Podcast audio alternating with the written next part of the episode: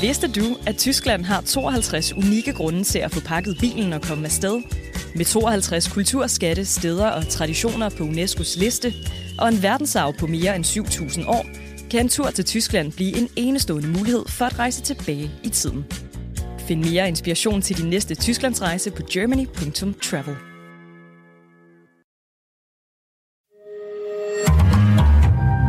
Berlingske. Ingen politikere i det her land, der reelt har missioner. Magtafgangse, siger jeg bare. Priserne stiger og stiger og stiger. Hvad gør vi ved det? Jeg er så træt af at høre på alt den spil. Det burde være et øh, korps ombudsmænd, der holdt øje. Ingen mening. Velkommen til en af de fine københavnske salonger. Jeg hedder Mette Østergaard og er chefredaktør på Berlingske, og er vært i denne salon, hvor mine gæster begavet og bramfrit får lov til at lufte deres kæpheste. I dag er jeg glad for at kunne byde velkommen til tidligere statsminister Helle thorning Schmidt og til chefredaktør på Weekendavisen Martin Krasnik. Velkommen i Østergaards salon. Velkommen begge to. Tusind tak. Tak for det. Dejligt, at I øh, sådan kunne finde tid, også trods øh, valgkamp. Og selvom du ikke er i den mere held. Det er jeg ikke, nej. Jeg er heller ikke. Nej, Martin, hvad synes du har været det mest øh, overraskende i valgkampen indtil nu? Ja, udover øh, det blå Danmarks og det blå Danmarks øh, statsministerkandidaters relative problemer ved at fange, fange kernen i den her valgkamp, mm øh, så, så, så, så er det jo, hvor hurtigt krisen har, har tårnet sig op. Altså, vi er nu inde i valgkampen, og, og, og det er helt tydeligt, at de her mange kriser der, de svømmer sammen hen over hovedet på os på en måde, som vi aldrig har oplevet før. Og det er i hvert fald ikke i min levetid, vores levetid, og det er, det er jo enormt overraskende og dybt fascinerende, hvordan, hvordan fører et lille land egentlig valgkamp. Ja, man må sige, der er mange, øh, Verden står og skælver omkring os. Der er mange store kriser, som bliver forbundne netop nu. Yes. Øhm, vi skal tale meget mere øh, valgkamp, og så er det jo en fornøjelse at have en tidligere statsminister i, øh, Jeg er i rigtig studiet. glad for at være her. Det er en meget fin salon Ja, i dag, det er synes meget jeg. fint Ja, salon. ja, Øhm, så regner vi jo med, at vi kan få sådan et indblik, som baserer sig på førstehåndsoplevelser. Det er godt. Øh, men først øh, vil jeg spørge dig, Helle Thorning, til noget, som, som slet ikke øh, handler om politik. Øh, fordi i aftes så, så jeg på Instagram, at du øh, sammen med din, ø, dit yngste barn er nomineret til en pris hos Danish Rainbow Awards, hvor øh, Milo er nomineret som bedste aktivist i spørgsmålet om at få lov til at være den, man er. Øh, Milo er jo født som pige, og ønsker nu at blive omtalt som han eller ham. Øhm, og jeg kunne læse, at han også lige har fået en operation for at komme et kønsskifte nærmere. Øhm, og du er så nomineret til bedste ally, allieret, må man vel ja. Oversætte det til. Øhm, jeg, jeg, synes, det er, jeg synes, det er enormt interessant også, hvordan I som familie øhm, går ind i den her diskussion. Hvordan har det været at opleve, at ens barn gerne vil skifte køn og identitet? Jamen for det første, så er vi ikke sådan rigtig gået ind i det. det er, der er noget, der er sket for os, øh, og så er det sket lidt i, i offentlighedens øh, søgelys, fordi jeg skrev min bog sidste år, og der talte jeg også øh, om mine børn, Milo øh, og Milos skifte, og der var øh, Milo ikke sprunget ud som en han, ham endnu, øh, men var, var stadig hun. Men i den proces, jeg udgav bogen, og da vi så kom til december, så øh, sprang øh, han ud som en han, og det øh, var der nogen, der synes var utrolig interessant, og det er det også. Så det var ikke rigtig en intention om at blive aktivist eller blive bedst ally, men vi kunne godt se, at vores historie berørte rigtig mange, og derfor besluttede vi også at sætte lidt øh, foden på speederen og, og gøre det, og være med i den debat, og vise, at vi synes jo selv, vi er en ret almindelig familie. Steve og jeg, vi er meget sådan heteronormative øh, mennesker, og, og vise, at, at vi godt kunne rumme det, og det tror vi også andre kan. Så det, det skete lidt af sig selv. Men det er jo også et emne, som er ekstremt aktuelt, og også bliver diskuteret, også hele politisk. tiden. Ja, ja. Det bliver øh, diskuteret hele tiden, og øh, jeg er også politisk, og det, der ligesom skete for os, og jeg er også rigtig stolt af, at vi er blevet nomineret begge to, fordi jeg vil rigtig gerne være en god allieret. Det vil jeg gerne i mange sammenhænge, men særligt i forhold til selvfølgelig mit eget barn, men også til, til mennesker, der går igennem det skifte, som Milo nu går igennem. Så jeg vil rigtig gerne være en god allieret, og jeg er bare, vi er bare rigtig stolte af, at vi er nomineret. Jeg tror også, at det øh, vækker så meget interesse, fordi der jo trods alt stadig er meget tabu omkring det. Og der vil sikkert være mange forældre, som synes, at det vil være svært at stå i den situation, det virker som om, I har taget det sådan meget op fra ned, altså uden overhovedet at, at kende Jo, noget så, til. Man skal også, selvfølgelig er det svært, og det er også derfor, vi taler om det, men så svært er det heller ikke. Det startede jo med, at øh, Milo begyndte at forelske sig i piger, da han var omkring ja, 14 år eller sådan noget, og det er jo bare som det er, og så siger man det til familien, og så er det sådan, det er. Det taler folk ikke så meget om. Og så har der jo været en rejse siden, øh, og vi har været i tæt kontakt med Milo og hans venner igennem alt det her, også Johanna, vores store datters venner, og taler meget med unge mennesker. Så så overraskende er det heller ikke. Men selvfølgelig skal det, skal det noget tilvænding, når man skal mm. begynde en, man har omtalt som hun før, skal man omtale som han nu. Øh, der er vi da skulle indføre en bødekasse hjemme hos os for at få den, få den lige skarpt. Øh, og så, så på den måde er der nogle forandringer, men man skal bare huske, at på en eller anden måde, så betyder køn jo ikke så meget. Det betyder kun det, vi gør det til.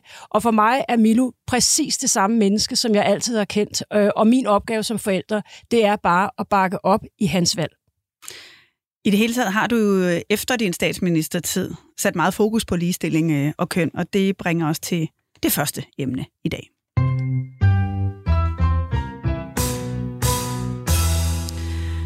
For Helle thorning Schmidt, øh, du har jo aldrig været bange for at sige, at du mente, at du blev behandlet anderledes som statsminister, fordi du var kvinde. Øhm, jeg husker klippet fra programmet Statsministerne på DR, hvor Poul Nyop Rasmussen, Anders Fogh Rasmussen, Lars Lykke Rasmussen og Poul Slytter øh, sad i sofaerne op på Marienborg, og, øh, og hvor du rejste det her som et emne, at du blev vurderet på nogle andre kriterier, og du blev mødt sådan lidt af, at ah, tja, jo, så, så var det vel heller ikke værre. Hvorfor har det været øh, så vigtigt for dig at sætte fokus på? Det er faktisk et legendarisk klip. Jeg vil anbefale at gå ind og finde det, fordi det er så sjovt. Fordi jeg siger, at jeg blev omtalt kønnet i mange forskellige sammenhænge, og så siger Lars Lykke, når du mener køn, ja. og, og Anders Fogh, han sidder og ser, får sådan et øh, blankt ansigtsudtryk, så det, det er ubetalt, det der klip.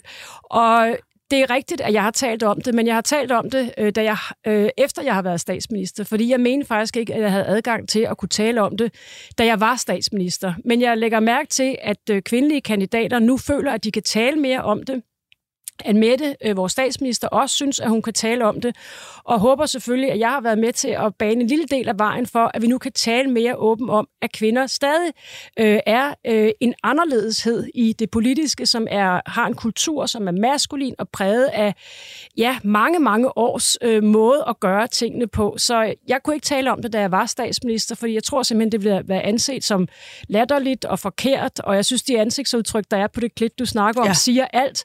Hvis jeg havde gjort det, da jeg var statsminister, så var jeg blevet anklaget for at offergøre mig selv, øh, sikkert af Martin Krasnik på lederplads, øh, eller noget andet, og det, det kan man simpelthen ikke. Så, så hatten af til dem, der taler om det nu. Og det gør Mette Frederiksen jo, den øh, nuværende socialdemokratiske statsminister. For nylig sagde hun sådan her i øh, programmet Det sidste måltid på Radio 4 med Lærke Kløvedal. Øh, jeg har ikke sagt det her før, men jeg tror, øh, noget af den magtkritik, der er, det har at gøre med, at jeg er kvinde. Hvordan mærker du den? Jamen mistænkeliggørelsen i, at en statsminister bruger magten til at varetage nogle interesser i det her samfund, den har, der ikke, den har vi aldrig hørt før i Danmark. Den har ikke gået på dine mandlige forgængere? Nej. Jeg har aldrig hørt den. Og, den, og du kom, hvis Jakob eller Søren bliver statsminister, kommer du heller ikke til at høre den, selvom de jo træder ind i det samme statsministerium, med den samme grundlov, med de samme regler, med det samme, den samme relation til Folketinget. Du kommer ikke til at høre dem på dem. Ja, jeg må jo indrømme, at jeg, jeg synes ikke, der har været lige så meget fokus på Mette Frederiksens køn, som der måske var, da du var statsminister. Hvad tænker du, øh, Martin Krasnik? Er der en pointe her? Fra Mette Frederiksen? Mm. Øh, altså, jeg synes jo, det er en sindssygt interessant diskussion, det her. Virkelig meget, meget spændende. Men jeg synes nu, at Mette Frederiksen argumenterer meget dårligt for det, lige præcis i det her klip her. Øh, og det er jo der, hun har talt om det for første gang. Altså, hun siger, at det, der er kønnet øh, det er hendes, kritikken af hendes magtudøvelse. Altså det, som hun siger, hvis jeg citerer korrekt, har brugt magten til at varetage statens eller nationens interesser. Altså, det, det, det kan jeg slet ikke se, der er noget særligt kønnet i, og egentlig synes jeg også, det er meget svært at se, hvor den kønnede kritik af Mette Frederiksen er.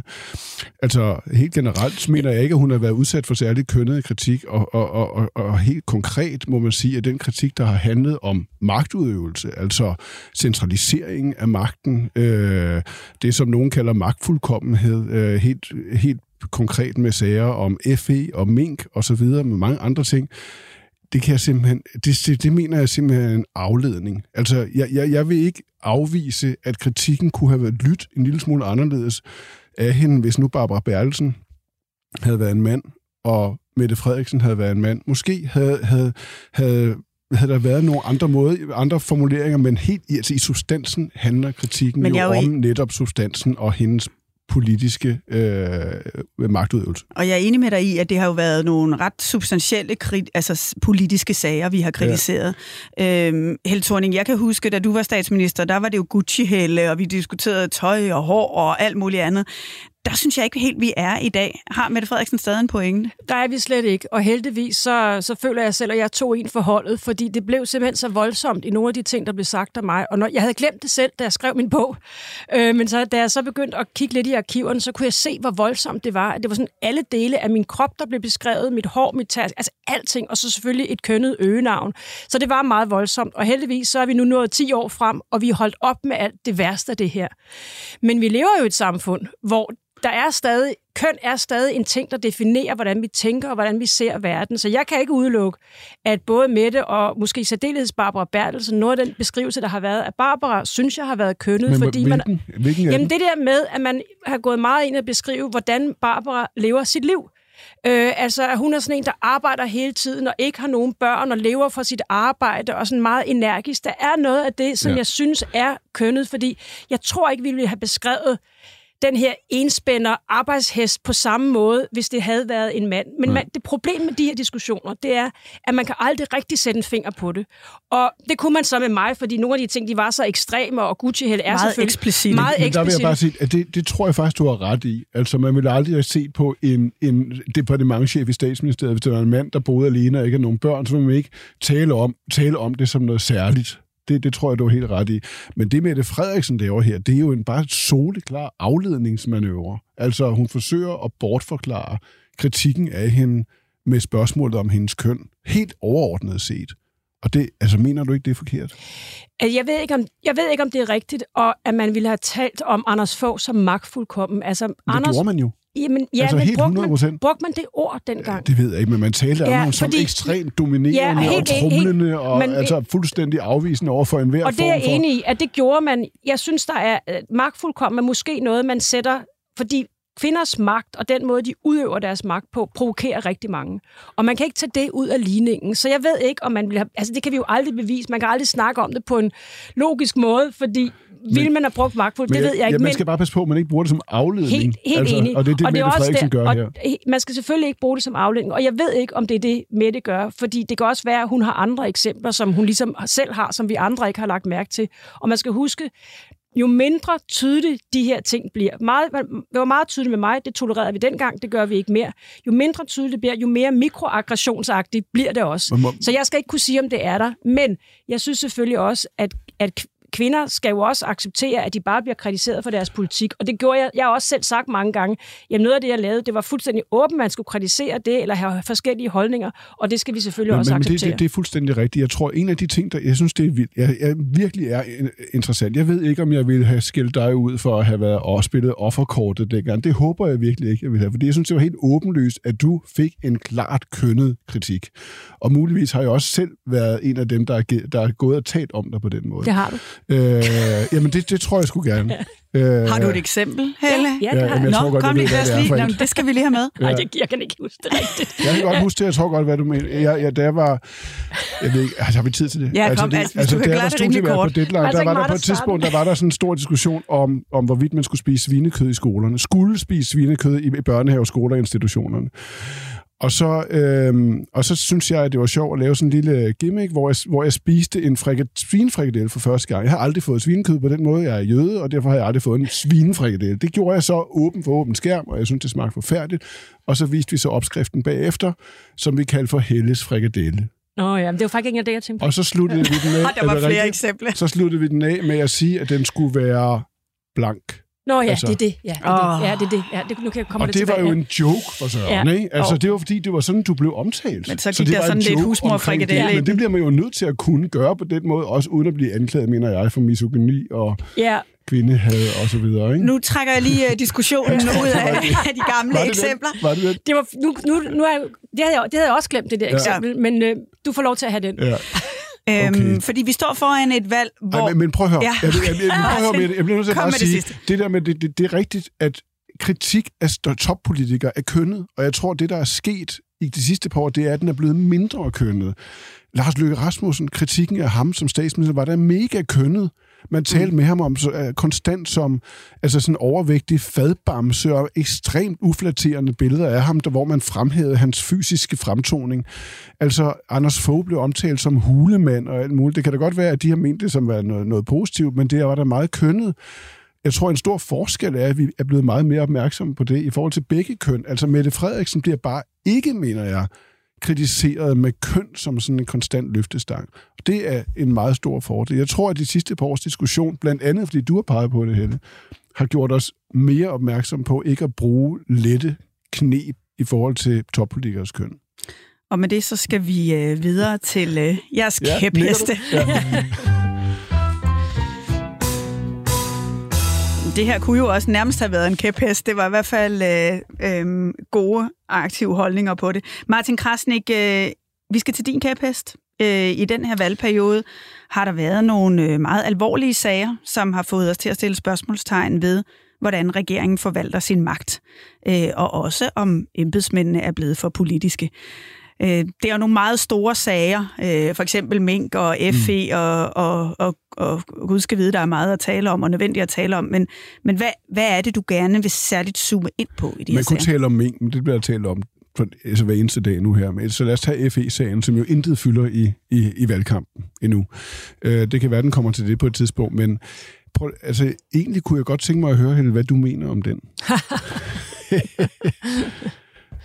Du skal lige gøre din pointe færdig, Martin. Er den som statsministeren og hendes justitsminister og alle de ministre, der konstant blander sig i diskussionen på sociale medier, fuldstændig kørt efter bogen?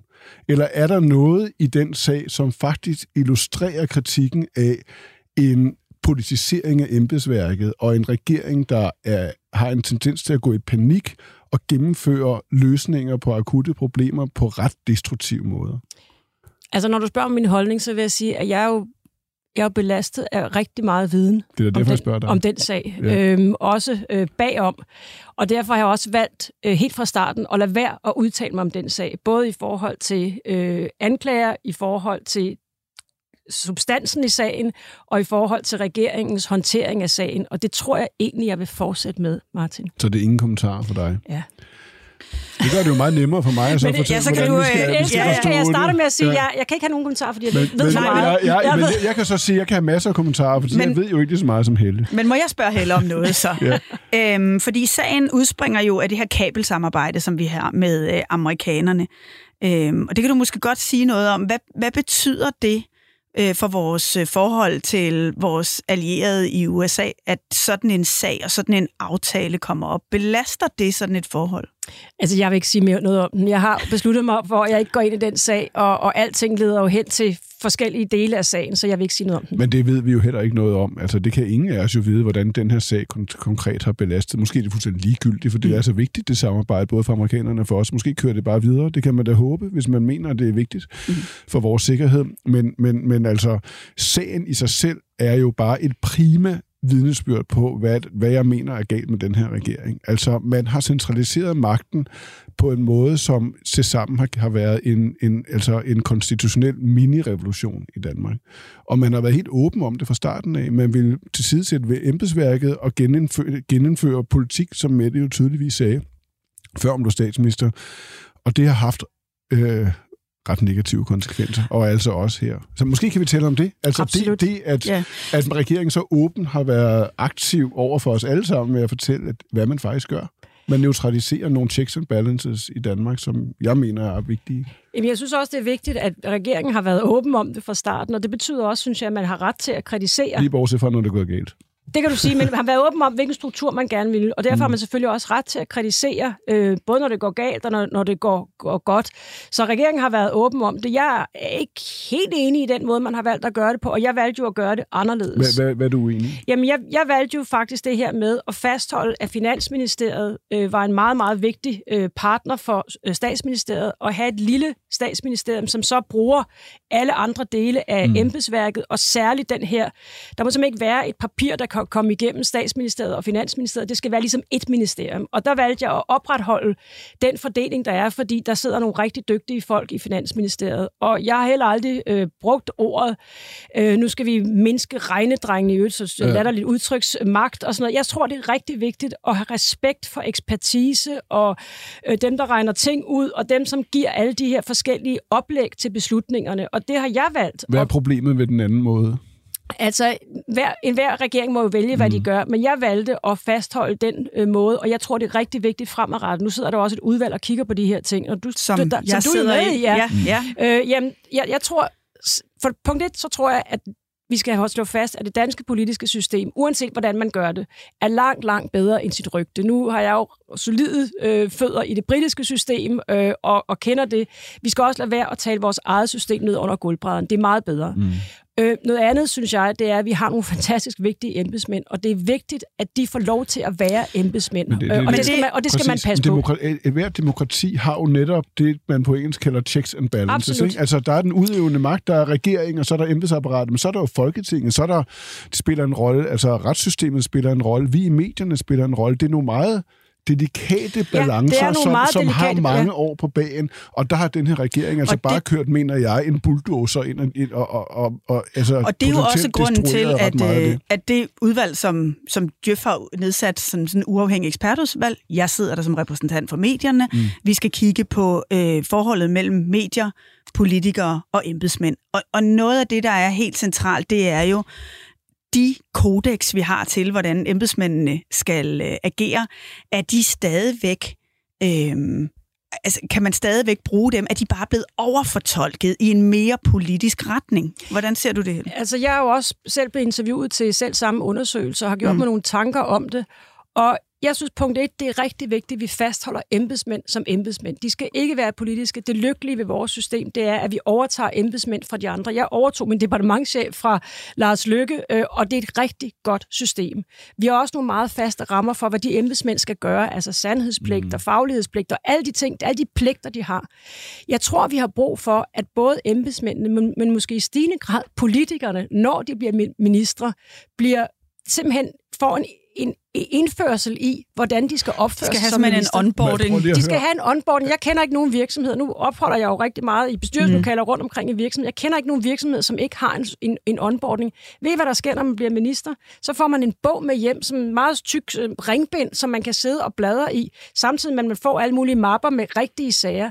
Jeg mener, man skulle bruge en uges tid som ny minister på at finde ud af, hvad er egentlig ens egen Fordi du kan se, det, det skrider. Må jeg ikke lige oversætte se... det her? Det er jo en meget hæftig kritik, du egentlig kommer med nej, her af regeringen. Nej, det er det faktisk ikke, fordi det er en generel, øh, en generel input til, hvordan øh, ministre skulle, skal opføre sig. Det her det relaterer sig ikke til den nuværende regering. Ah, det relaterer sig til alle regeringer. Men det er den nuværende regering, vi taler om nej, her, ikke? Nej, det er det ikke. Det er det måske for dig, men det er det ikke for mig. Jeg taler om alle regeringer. Jeg har jo haft fornøjelsen af at se på mange regeringer igennem mit, min, min tid, og der har været masser af ting, som kunne gøres bedre, og derfor vil jeg som et input til, til mm. jeres udvalg, så mener jeg faktisk, at vi skal prøve, i stedet for at lave alting om, lave embedsmændene politiske, øh, lave alting om, så prøv at først og fremmest lære, hvordan vores system egentlig skal fungere, og det er ikke en øh, specifik indgang til den nuværende regering. Må, det er en generel men må bemærkning. jeg bare minde om, at den her regering jo har altså med statsministeren og, og departementchefen i spidsen skiftet hele toppen af, af, af hvad det, embedsapparatet ud. Der er i hvert fald altså, både en ny departementchef i statsministeriet og, øh, og finansministeriet. Og, og ja, og en lang række andre ministerier. Ja.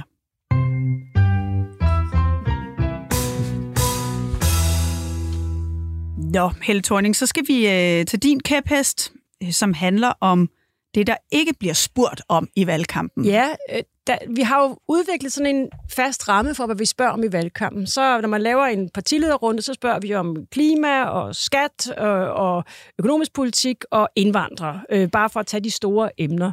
Og min anke, den er, at man fordi man spiller samme spørgsmål til alle, så kommer du faktisk ikke ned under, hvad partierne egentlig mener om øh, her og nu, men i særlig grad de lange linjer. Og jeg sidder tit og mangler nogle spørgsmål. Altså, jeg kunne virkelig godt tænke mig at vide for enhedslisten for eksempel, hvad er egentlig den skattegrænse, man kan lægge, for folk de simpelthen gider at bevæge sig ud af sengen og gå på arbejde? Altså, mm. er det 70 procent, er det 90 procent, man kan beskatte folk? Fordi alle problemer i enhedslisten univers kan jo bruges til, skal jo løses ved, at man beskatter danskerne yderligere. Det vil jeg gerne have svar på. SF vil jeg gerne have svar på. Når nu man går ind på for minimumsnummeringerne i børnehaverne, Øh, det giver jo en rettighed til, til de små borgere om, at de skal omgives af tre personer, øh, når de går, på, når de går i, i øh, vuggestue. Hvordan skal man måle det? Er der mere papirarbejde i det, og er det en god måde at drive vores velfærdssamfund, at alle mennesker får rettigheder, når de møder velfærdssamfund? Det synes jeg også er et vigtigt spørgsmål. Og så har jeg haft sig selv helt utrolig sjovt over den her debat, som er kommet med, med topskattegrænsen. Fordi øh, vi øh, lavede jo en aftale for 10 år siden om, øh, om en, en stor skattereform, som var virkelig god. Og hver år siden da, der er topskattegrænsen jo øget ganske markant. Og det vil sige, når konservative går ud og siger, nu skal vi øge topskattegrænsen, så er det jo noget, der er sket i hver eneste år i, i 10 år, og også kommer til at ske i 23, hvor den kommer til at stige ganske meget. Mm. Og det er også noget, som Socialdemokrater, som himler over, at de vil aldrig nogensinde hæve topskattegrænsen, har været med til hver eneste år i 10 år. Så det er ikke sådan, så uenigheden bliver tegnet meget voldsomt op, og jeg har ikke hørt nogen journalister spørge, mm. jamen Socialdemokrater, har I ikke selv været med til at hæve topskattegrænsen i 10 stive år, hvor I har været med, SF for den sags skyld også, og enhedslisten har ikke øh, haft noget imod det. Og konservativ kan man stille spørgsmålet, jamen altså, hvad mere skal der til, end at vi har hævet øh, topskattegrænsen med altså omkring 15.000 hver eneste år i 10 år. Mm. Det, er, det er en stor, øh, voldsom hævning af topskattegrænsen, og jeg har ikke hørt nogen som helst, der har spurgt om det. Nu mm. har du jo hele to chefredaktører i øh, lokalet, som øh, må prøve at komme til genmelde. Martin, vil du starte? Mm. Jeg har lyst til at spørge, hvad vi mere burde spørge Socialdemokraterne om. Jamen, ja, der er der Men mange... Det, er, det her det er bare så sjovt at høre om. Det er meget, det... meget spændende, fordi det er jo fuldstændig rigtigt. Altså, fuldstændig rigtigt. Og det skyldes jo, altså, at de fleste interviews med politikere varer ganske kort tid. Og så skyldes det jo også, at de fleste politikere jo vil ikke svare på det, de spørgsmål der. Det kan godt være, at vi, har, vi, er jo, vi er jo nogen, der har forsøgt at stille det der opfølgende spørgsmål har I det? nogle gange. Jamen altså, jeg, jeg men føler jeg faktisk, sige, at Danmark har glemt, at topskatten er hævet hver eneste men år jeg vil, i 10 år. Ja, men jeg vil bare sige, at den, altså, en af problemerne er, at politikerne møder ikke rigtig op til de interviews, hvor der er tid til at stille de spørgsmål. Da jeg var på Deadline, der øh, var det helt nye og anderledes med den socialdemokratiske regering.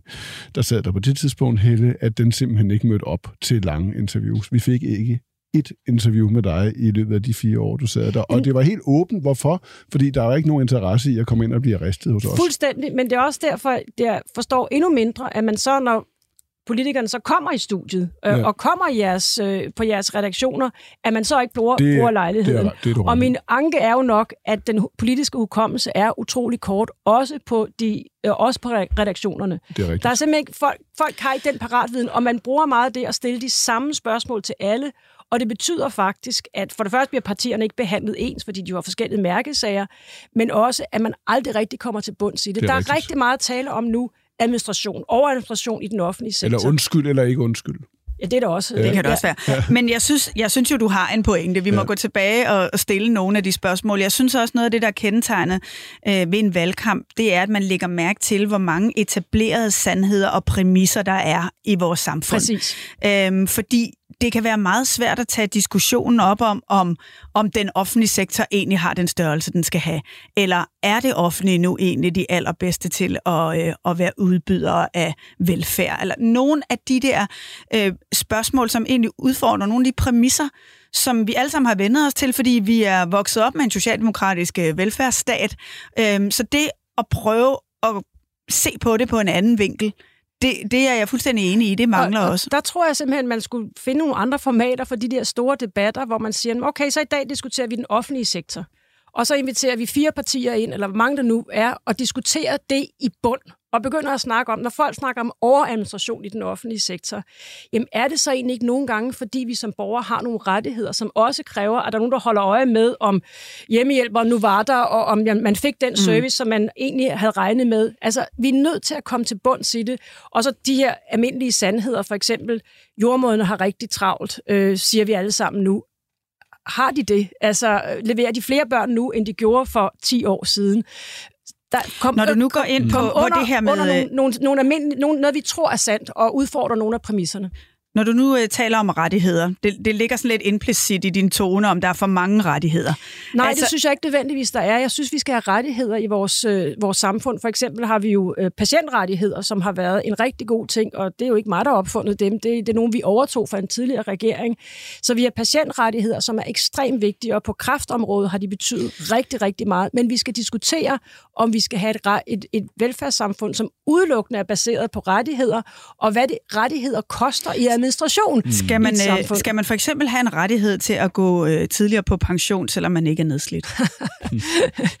det, øh, det er også et af de emner, som, som altså jeg, jeg er jo socialdemokrat, jeg stemmer på Socialdemokratiet, jeg er medlem af partiet, en af de eneste partiformænd, som stadig er tilbage i mit eget parti, og jeg har jo valgt helt fra starten, at jeg ikke går ind i enkeltdele af politikken og kommenterer på den. Så kunne nok, jeg have haft rigtig, rigtig travlt. Det er nok travlt. meget klogt, Helle. Og det gør jeg heller ikke ja. øh, i dag. Men du skulle, vi skulle, når du nu øh, siger, at vi ikke stiller de rigtige spørgsmål, Men jeg spørgsmål, synes, man skal have respekt for, at der er nogen, der er mere nedslidte end andre, og det har jeg egentlig altid ment.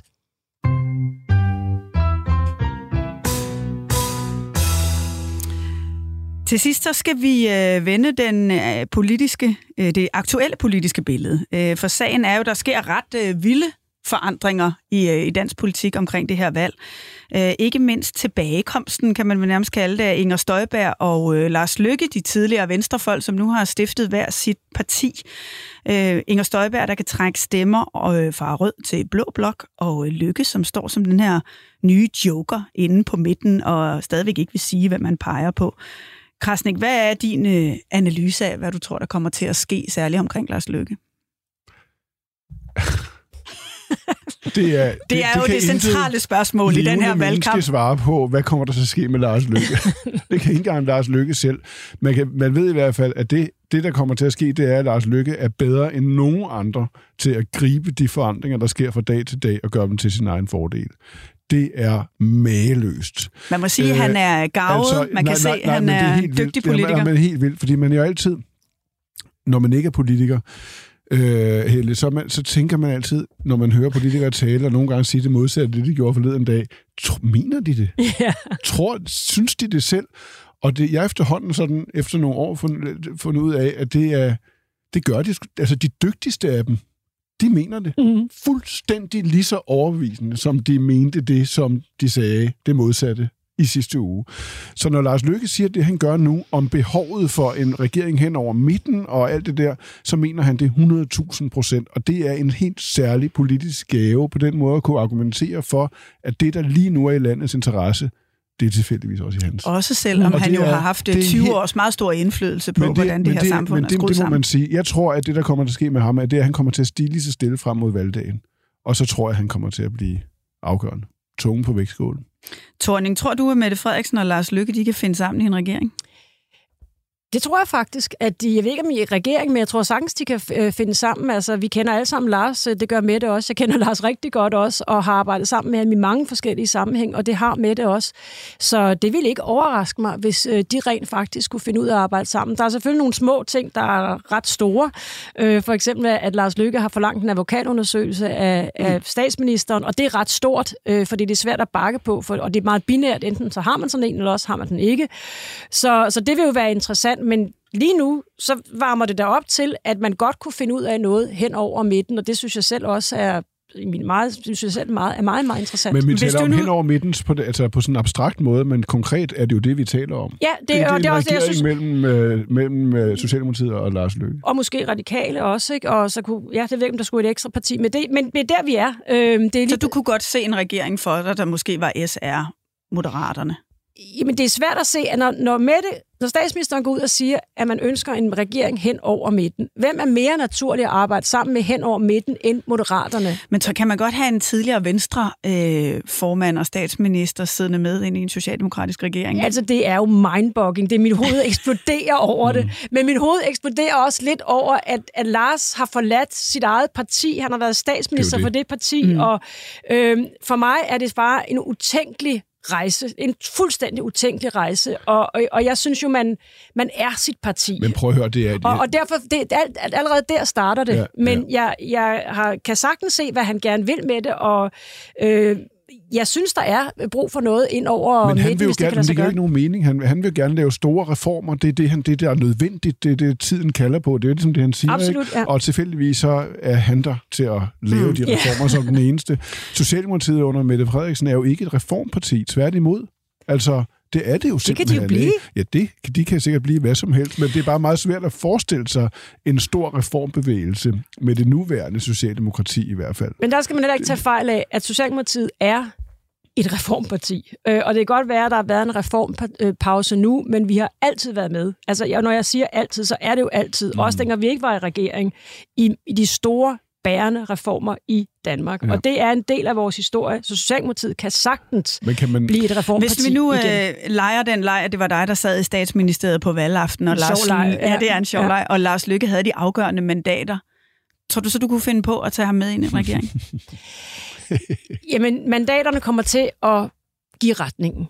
Mm. Og det er jo bare sådan, det er. Øh, Jeg er da sikker på, at øh, statsministeren, hun sidder og vil gerne have et rent rødt flertal. Det ville være rigtig fedt, hvis man fik det. Og, øh, fordi så har man rigtig meget at, at arbejde med. Så jeg er helt sikker på, at i statsministeriet eller hos, hos Socialdemokraterne, der sidder man og håber på et rent rødt flertal. Men det er jo ikke det, hun går på valg, til valg på. Nej, men så har man med at arbejde med generelt. Og magtforhold og styrkeforholdene ændrer sig jo også. Så, så det er jo det, som man håber på. Men så kan det være, at man, når mandaterne er talt, når, talt, at man må arbejde på Men- det her brede, og så er det sådan, det men, bliver, men, tror jeg. Helle, betyder det ikke også, at man må tage det med et grænsalt, det der med, at det er nødvendigt med en regering hen over midten, når, når Mette Frederiksen siger det, fordi hvis hun har et rent rødt flertal, så vil hun jo ikke sige, men den alvorlige situation i verden, Det tror jeg, hun bliver nødt den, til. Jo, så, det tror jeg, siger hun- vi, jo. så, så rækker vi Nej, det tror jeg, hun bliver nødt til. Altså, det, når det er meldt ud som det største... øh, Der var jo også en melding på et tidspunkt om, at man både gik på en etpartiregering, altså en fortsat S-regering, mm. øh, og det brede. Men når man melder ud, at man faktisk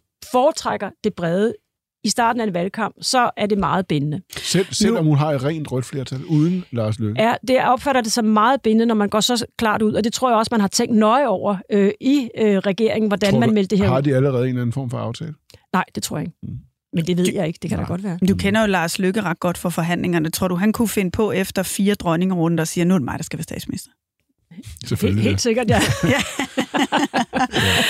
Måske bliver vi uh, lidt klogere på det uh, allerede i uh, morgen her i uh, Østergaards Salon, hvor Steffen Hjaltelin er gæst. Steffen Hjaltelin, som har arbejdet tæt sammen med både Lars Lykke og Venstre i mange år, og som er en af de få, der kendte til befrielsens øjeblik. Men øh, mere om det i øh, morgen. For nu vil jeg gerne sige tusind tak til den dame og den herre. Vi øh, når ikke mere i denne salon. Tusind tak, fordi I ville komme, og, og tak til dem, der lyttede med på denne ekstra udgave af Østergaards Salon. For her under valgkampen, så sender vi flere gange om ugen, så husk at trykke følg. Der, hvor du lytter din podcast, så får du en lille besked, hver gang vi har en ny salon klar til dig. Men i denne omgang, tak til Helle thorning Schmidt og Martin Krasnik. Det var en fornøjelse. Jeg hedder Mette Østergaard, producer var Jens Marot. Vi er tilbage i Østergaards Salon i morgen.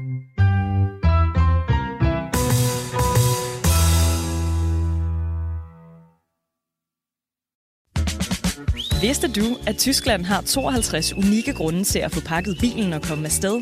Med 52 kulturskatte, steder og traditioner på UNESCO's liste, og en verdensarv på mere end 7.000 år, kan en tur til Tyskland blive en enestående mulighed for at rejse tilbage i tiden. Find mere inspiration til din næste Tysklandsrejse på germany.travel.